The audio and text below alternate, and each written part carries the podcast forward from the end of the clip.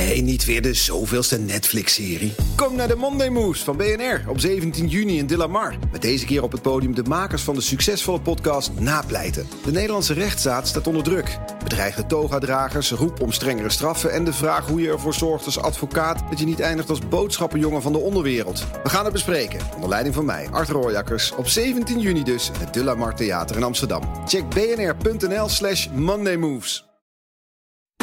BNR Werkverkenners wordt mede mogelijk gemaakt door BrainNet. BrainNet voor zorgeloos en professioneel personeel inhuren. BNR Nieuwsradio. Werkverkenners. Rens de Jong.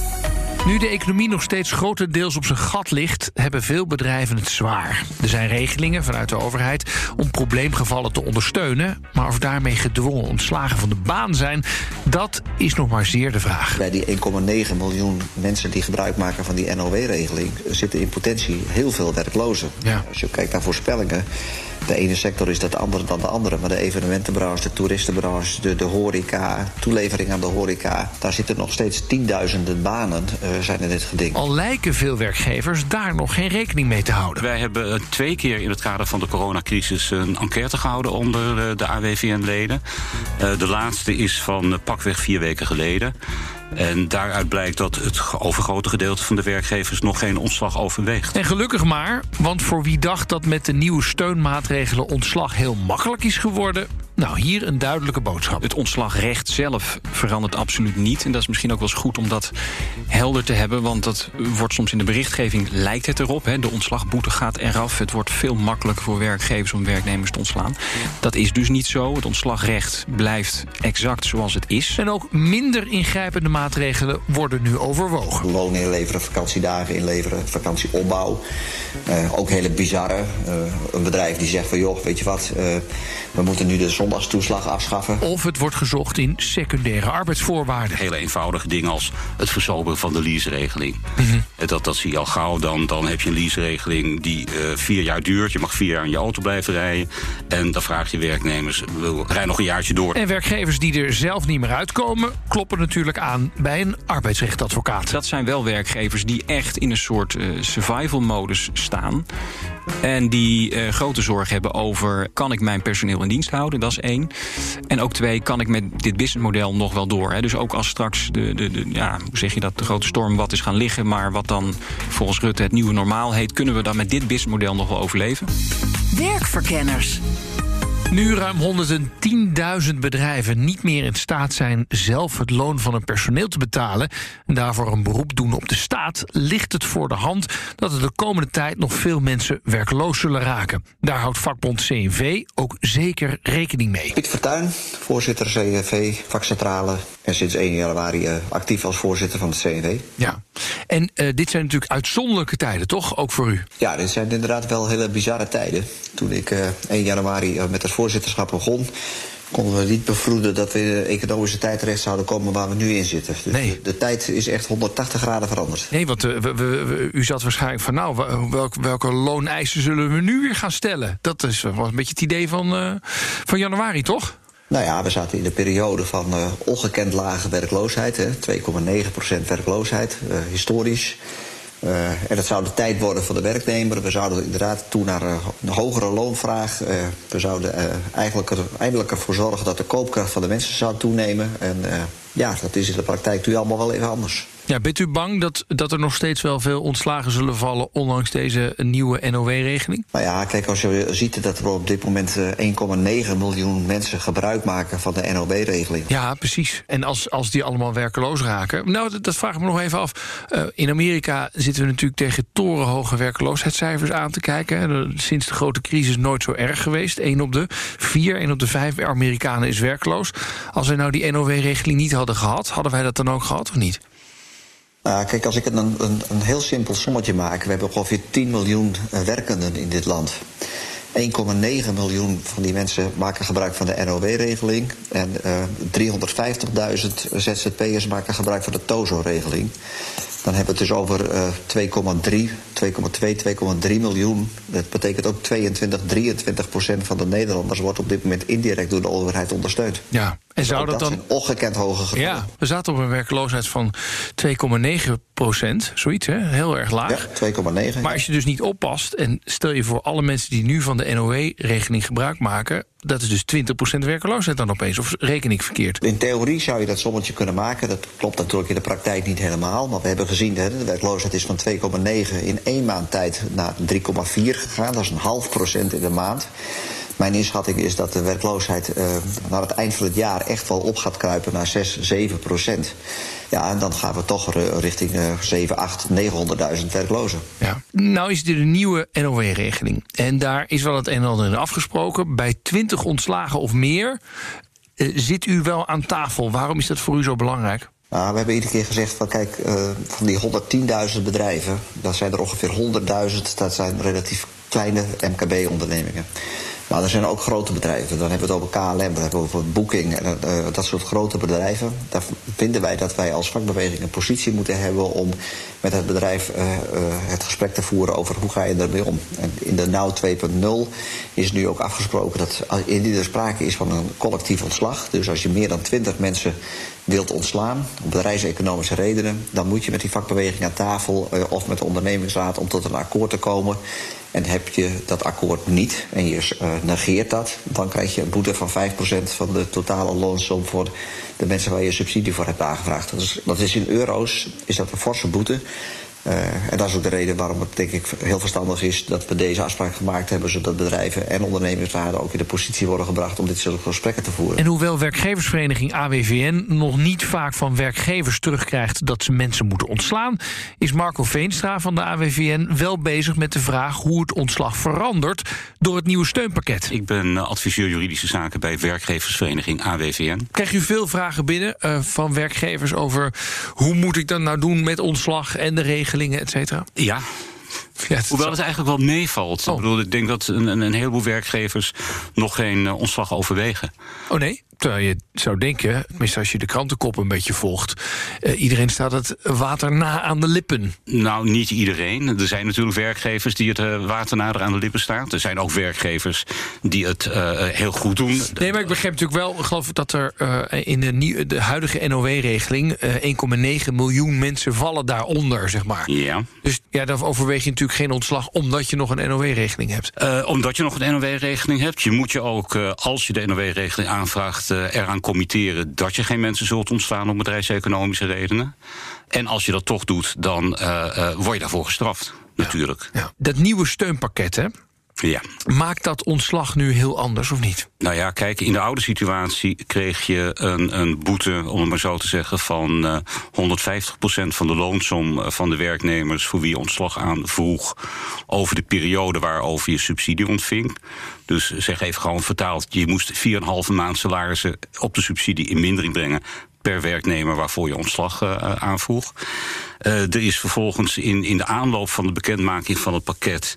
Uh, was natuurlijk al wat uitgelekt. en, en overal las je dat de ontslagboete is van de baan.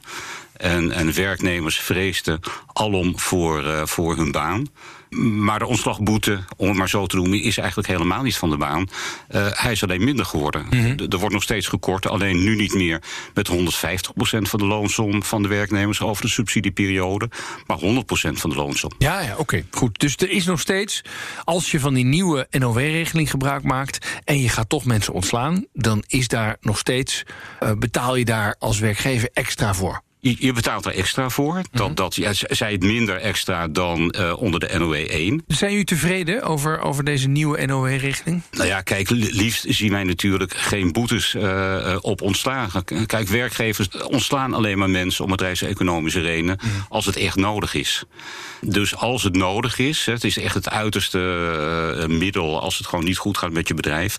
Dat is natuurlijk heel erg zuur als je ook nog eens een keertje een boete daarvoor krijgt. Goed, je, je kunt ook prima geen boete krijgen, maar dan moet je geen subsidie aanvragen.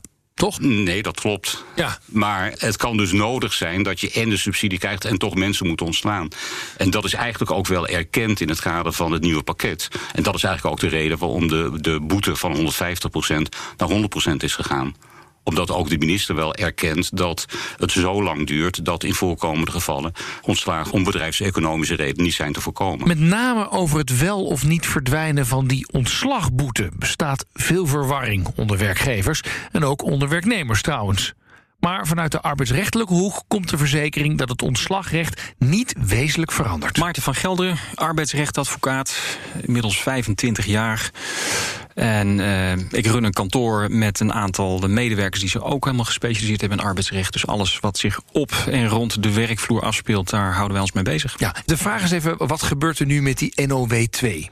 wordt het ontslagrecht wezenlijk anders door deze nieuwe regeling? Heel kort antwoord nee.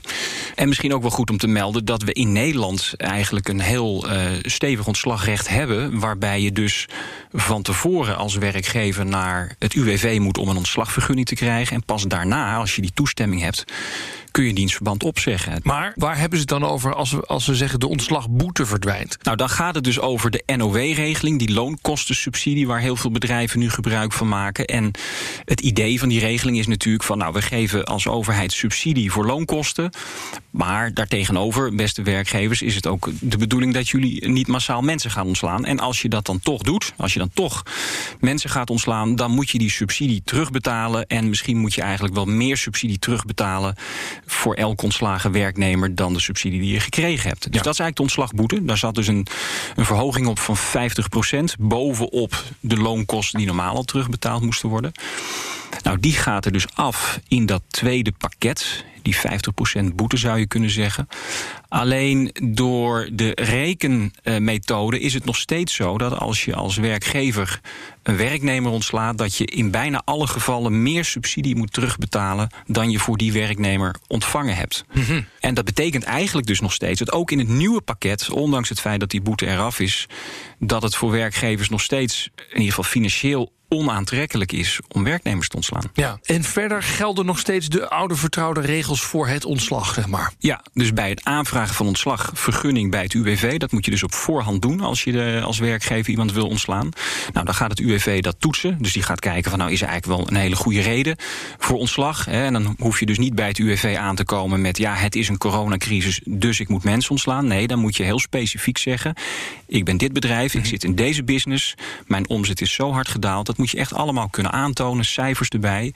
Dat gaat het UWV toetsen. Dan gaat het UWV vervolgens ook nog kijken of je wel de juiste mensen voor ontslag hebt voorgedragen. Want dat is natuurlijk ook nog wel een beetje de vrees bij werknemers van ja, uh, mijn werkgever had toch al een beetje de pik op me en nu ben ik misschien degene die als eerste eruit gaat. Nou, ook daar zijn strenge regels voor, dus die gaat het UWV ook controleren. En als dat allemaal klopt, uh, ja, dan kan je van het uh, eh, UWV een ontslagvergunning krijgen. En dan pas kun je opzeggen. Maar goed, als, hoe zit het dan met vaststellingsovereenkomsten? Die situatie gebeurt ook, eh, die is veel in de orde. Hè. Dus de, de, de werkgever die zal in heel veel gevallen proberen eerst met de werknemer gewoon samen afspraken te maken. Dat heeft voor beide partijen vaak voordelen. Want die werkgever denkt, nou ja, dan hoef ik niet naar het UWV, hoef ik zo'n lastige procedure niet te voeren. Kost me tijd, kost me ook geld. En die werknemer uh, die zou kunnen denken, nou ja, als ik van mijn werkgever toch iets extra's krijg bovenop de kale wettelijke regeling. Um, en ik zie toch ook wel dat het ontslag eigenlijk onvermijdelijk is. Nou ja, misschien dat ik me dan op die manier erbij kan neerleggen. En als je op basis van een vaststellingsovereenkomst met je werknemers tot ontslag komt, dan telt dat voor de NOW niet mee. Hè? Dus dat, dan krijg je geen korting op de subsidie, omdat het idee dan ook is, nou ja, de werknemer heeft zich daar uiteindelijk bij neergelegd.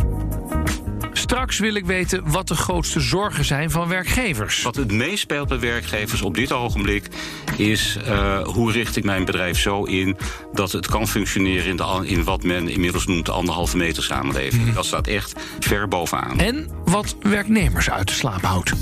Rens de Jong.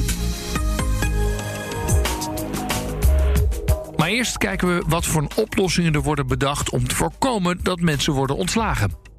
We hoorden bijvoorbeeld aan het begin al eventjes... dat de medewerker met een auto van de zaak gevraagd wordt... om een jaartje langer dan normaal met de leaseauto door te rijden. En zo komt de AWVN meer kostenbesparende maatregelen tegen. Daar waar er niet meer werd gewerkt... althans niet meer op de werkplek, op kantoor of, of in de fabriek... werden reiskostenvergoedingen bijvoorbeeld stopgezet. Soms werden collectieve loonsverhogingen uitgesteld, niet vaak. Er werd werknemers ook gevraagd in voorkomende gevallen: neem nou alsjeblieft vakantie op. ik zie wel dat je niet kan doen wat je normaal zou doen als je vakantie zou opnemen. Je kunt naar het buitenland, et cetera. Maar doe dat nou, want anders blijven ze staan. Ze staan op mijn balans en straks wil je op vakantie. En als iedereen tegelijk op vakantie wil, als het weer aantrekt, dat kan ook niet. Dus uh, werd er een, een, een dringend beroep gedaan op werknemers in voorkomende gevallen ook een vakantie op te nemen. Ja.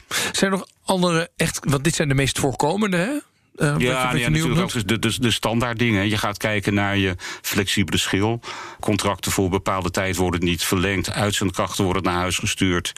In voorkomende gevallen werden mensen die al waren aangenomen tijdens de proeftijd ontslagen. Ja, vanwege de situatie. Hm, ja, en um, loonoffers, hoe staan jullie daarin? als, als werkgeversvereniging? Ja, je ziet het wel, loonoffers. Het is niet alleen maar beperkt tot, tot deze situatie. Ik ken eigenlijk uit, uit mijn praktijk alleen maar de situatie dat om loonoffers wordt gevraagd als een bedrijf echt op het punt staat om om te vallen, dus om failliet te gaan. Mm Maar zie je het veel voorkomen? Wordt nee, het in het lijst. Uh... Nee, nee, heel weinig. Nee. Het heeft ook nogal wat gevolgen voor werknemers natuurlijk. Hè. Het, het, het gaat heel slecht met het bedrijf. Het, het bedrijf valt misschien om, vraagt een loonoffer. Maar die werknemer realiseert zich dan ook... ja, als ik dat loonoffer geef, maar het gaat alsnog mis... dan krijg ik door mijn loonoffer krijg ik vervolgens ook een lagere WW-uitkering. Ja. Hebben jullie daar een standpunt over? Van joh, wat moet je wel durven vragen aan de werknemer en wat niet? Nou ja, kijk, wat wij eigenlijk al jaren vinden... is dat het natuurlijk heel fijn is als je een situatie kunt creëren waarin het, het, de honorering van werknemers op een zekere manier meeademt met, uh, met het bedrijf. Uh, gaat het goed, werk, krijgen werknemers meer. Uh, gaat het minder, krijgen werknemers wat minder. -hmm. Dat, daar zitten natuurlijk bepaalde beperkingen in. Ook daar moet je weer kijken naar wat is de hoogte van het loon van werknemers. Mm -hmm. bij een hoog loon kun je wat meer laten meeademen dan bij een laag loon. Uh, maar dat is iets wat wij uh, nou, als dit, maar dit, zouden zien. Ja, en een loonoffer wordt de laatste tijd vaker geopperd. Hoe kijkt de vakbond daar eigenlijk tegenaan? Dat hangt heel erg af van hoe het eruit ziet. Uh, we hebben, een poosje geleden hadden we, werd er bij bijvoorbeeld een bedrijf als E.ON... werd een loonoffer gevraagd van 20 procent. Uh, terwijl het bedrijf gewoon winst maakt. Uh, terwijl er net uh, fors naar de aandeelhouder was uitgekeerd. in zo'n geval zullen wij al altijd zeggen van joh, een loonoffer is hier helemaal niet nodig op het moment dat het een kleiner bedrijf is, waarbij we er sterk van overtuigd zijn dat dat eh, noodzakelijk is om het bedrijf overeind te houden, dat de medewerkers daar ook mee akkoord gaan en dat bij wijze van spreken het een uitgesteld iets is, ja, hebben we een hele andere discussie. Dus je moet iedere keer kijken van uh, waar gaat het over? Uh, in hoeverre is het bedrijf echt in de problemen? In hoeverre draagt een loonoffer bij? Het is altijd maatwerk. Nou ja, ik hoor bijvoorbeeld ook dat je als je een loonoffer doet, hè, 20% minder loon bijvoorbeeld, en je gaat er toch uit, ja, dan is je laatst verdiende loon is een stuk lager. Dus ook uh, je uitkering is een stuk lager. Dus je snijdt jezelf, stel je voor dat misgaat, uh, behoorlijk in de vingers. Ja, maar dat geldt voor uh, iedere arbeidsvoorwaarde die je levert. Of dat nou loon is of vakantiegeld. Uh, je moet je wel realiseren dat op het moment dat het bedrijf failliet gaat... of het bedrijf gaat reorganiseren en jij wordt uh, buiten de deur gezet... dan heb je wel een lage grondslag in je WW. Dus daarom is het ook heel risicovol. Dus wij zijn ook uitermate prudent in dit soort bewegingen. Want mensen spelen wel met hun, met hun eigen inkomen... maar ook met hun eigen uitkering. En daarmee ook met hun eigen huishoudboekje, hypotheken en vul maar in. Ja. Komt u nog andere dingen tegen? Ja, we komen tegen dat personeel uh, leningen verstrekt aan het bedrijf. Door te zeggen van, goh, ik zie af van een CEO-verhoging... en daarmee uh, leen ik jou als het ware een stukje liquiditeit. Maar wij proberen ook wel uh, te kijken van... goh, moet je dan ook niet maar uh, personeel bijvoorbeeld uh, voor een deel aandeelhouder laten zijn van een bedrijf? Dat je zegt van oké, okay, dan lever ik in. Maar dan krijg ik er een stukje zeggenschap van terug. Nou, van alles is mogelijk. Werkgevers en werknemers willen natuurlijk bij al die opties weten... staan ze wel in hun recht? Logisch. En daarom komt de arbeidsrechtadvocaat ook van alles tegen. Dat varieert inderdaad van het vragen om een aantal vakantiedagen in te leveren... of misschien loon in te leveren of misschien minder te gaan werken... En, arbeidsomvang. Uh, dus dat gebeurt ook ja. in allerlei varianten. En welke maar... vind jij verstandig? vanuit de werkgever en werknemer? En welke zeg je, daar moet je gewoon echt niet gaan proberen? Dat is, dat is aan alle kanten vervelend. Ja, nou ja, het meest ingrijpende is het, het loonoffer. Uh, dus dan vraag je eigenlijk in de primaire arbeidsvoorwaarden rechtstreeks in het inkomen van mensen om dat in te leveren. Dat is gewoon een hele lastige. Uh, van de kant van de werknemers omdat dat gelijk hun portemonnee raakt. En, en bovendien, uh, als ze daarna alsnog ontslagen worden, ze eigenlijk een uitkering krijgen op een lager niveau, omdat ze toch ook al loon hebben ingeleverd. En van de werkgeverskant is het eigenlijk ook niet een hele slimme actie. Want als je als werkgever onder die NOW-regeling valt, die loonkostensubsidie, dan krijg je een subsidie op basis van de hoogte van de loonsom. Dus even, uh, als, als, als je een, een uh, loonsom of een loonoffer vraagt van 10%, dan, dan daalt die loonsom voor die werkgever met 10%. Maar dan krijgt hij dus ook over die 10% minder subsidie. Dus mm. eigenlijk snijdt die werkgever daarmee in zijn eigen subsidie. Dus wat hij van die werknemers krijgt, krijgt hij niet meer van de overheid. Dus aan twee kanten is ja. zo'n loonoffer vaak geen slimme zet. Vakantiedagen inleveren? Nou ja, daar is natuurlijk niet echt een wettelijke basis voor. Nee, ik, maar... ik, hoor namelijk, um, ik heb een paar vrienden die vakantiedagen hebben moeten inleveren. En die waren redelijk schouderophalend erover. Ja. Zoals dit het is, nou prima. Ja.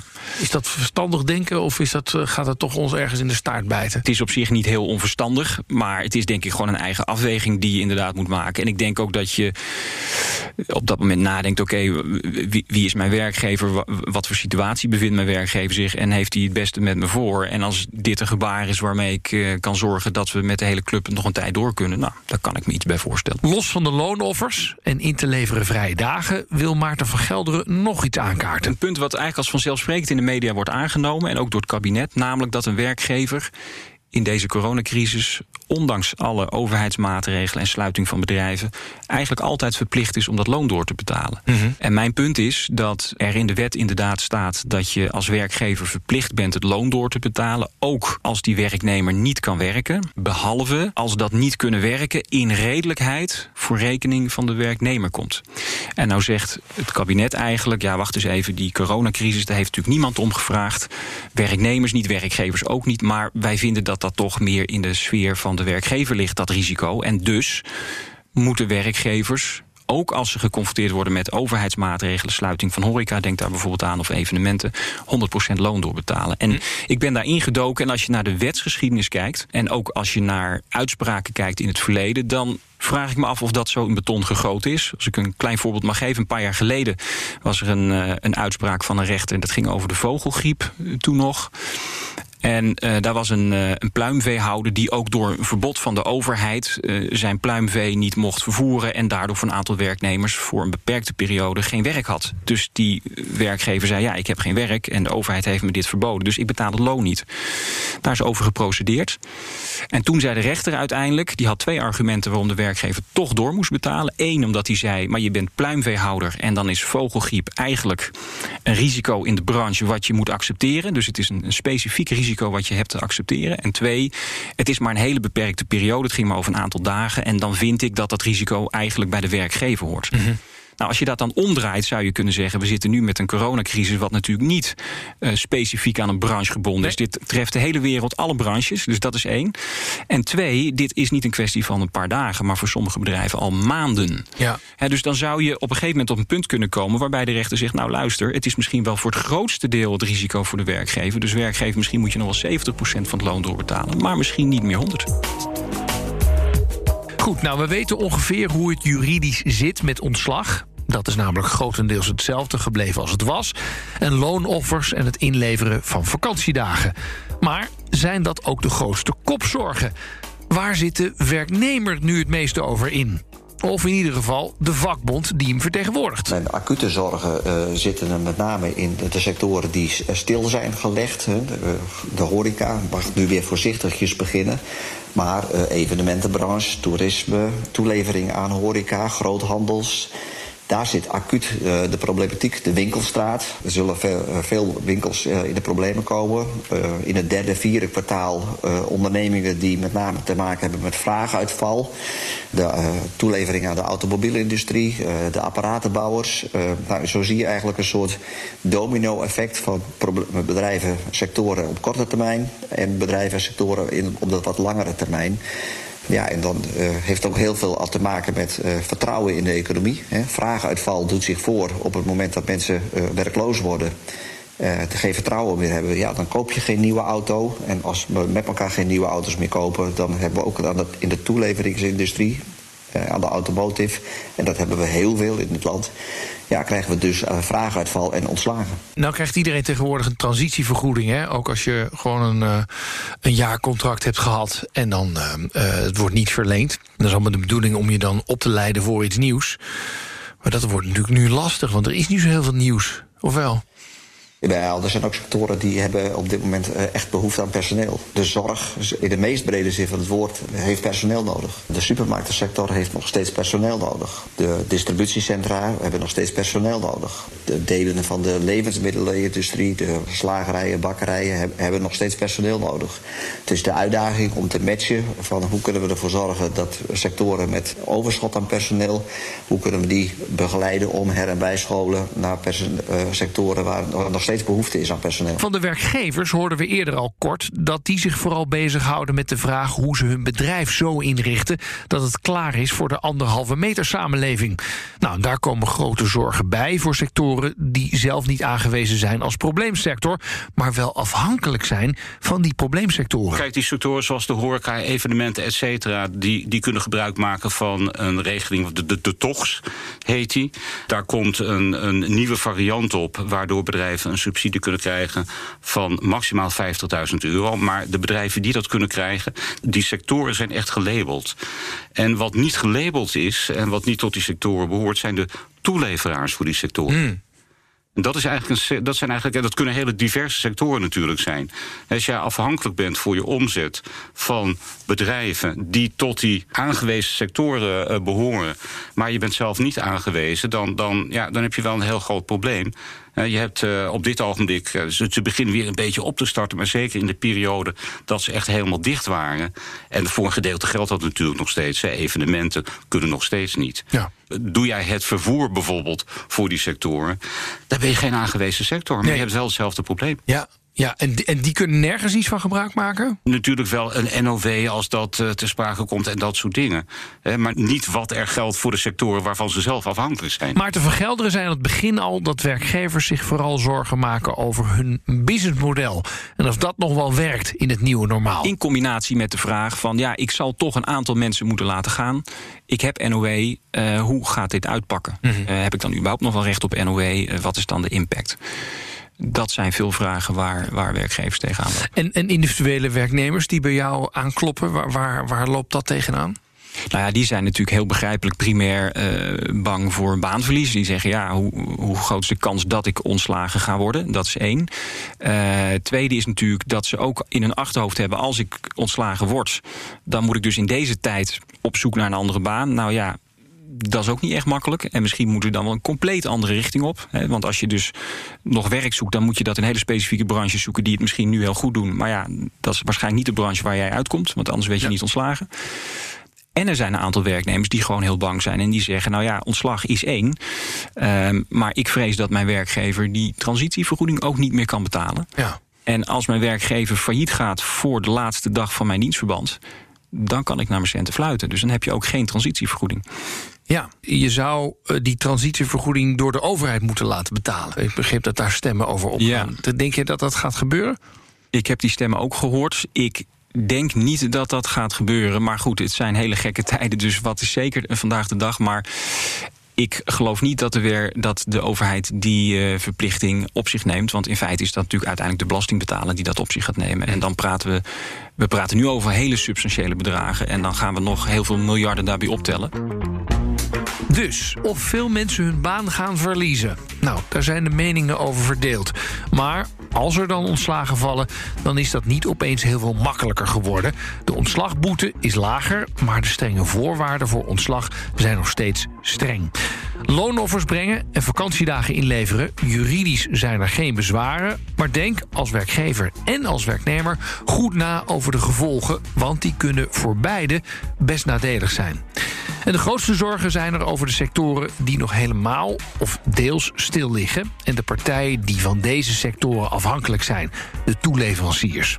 Maar, benadrukt Piet Fortuyn van CNV, om deze uitzending toch een beetje positief af te sluiten, er zijn tegelijkertijd ook nog steeds sectoren waar het heel goed gaat en die zitten te springen op nieuw personeel. Nou, dit was Werkverkenners voor deze week. Volgende week krijg je weer een verse op dinsdag om half vier. En natuurlijk in je podcast-app kun je hem op ieder moment terugluisteren. Tot de volgende keer. Dag. BNR Werkverkenners wordt mede mogelijk gemaakt door BrainNet. BrainNet voor zorgeloos en professioneel personeel inhuren. Ook Bas van Werven vind je in de BNR-app. Ja, je kunt live naar mij en Iwan luisteren tijdens de ochtendspits. Je krijgt een melding van Breaking News. En niet alleen onze podcast Ochtendnieuws, maar alle BNR-podcasts vind je in de app. Download nu de gratis BNR-app en blijf scherp.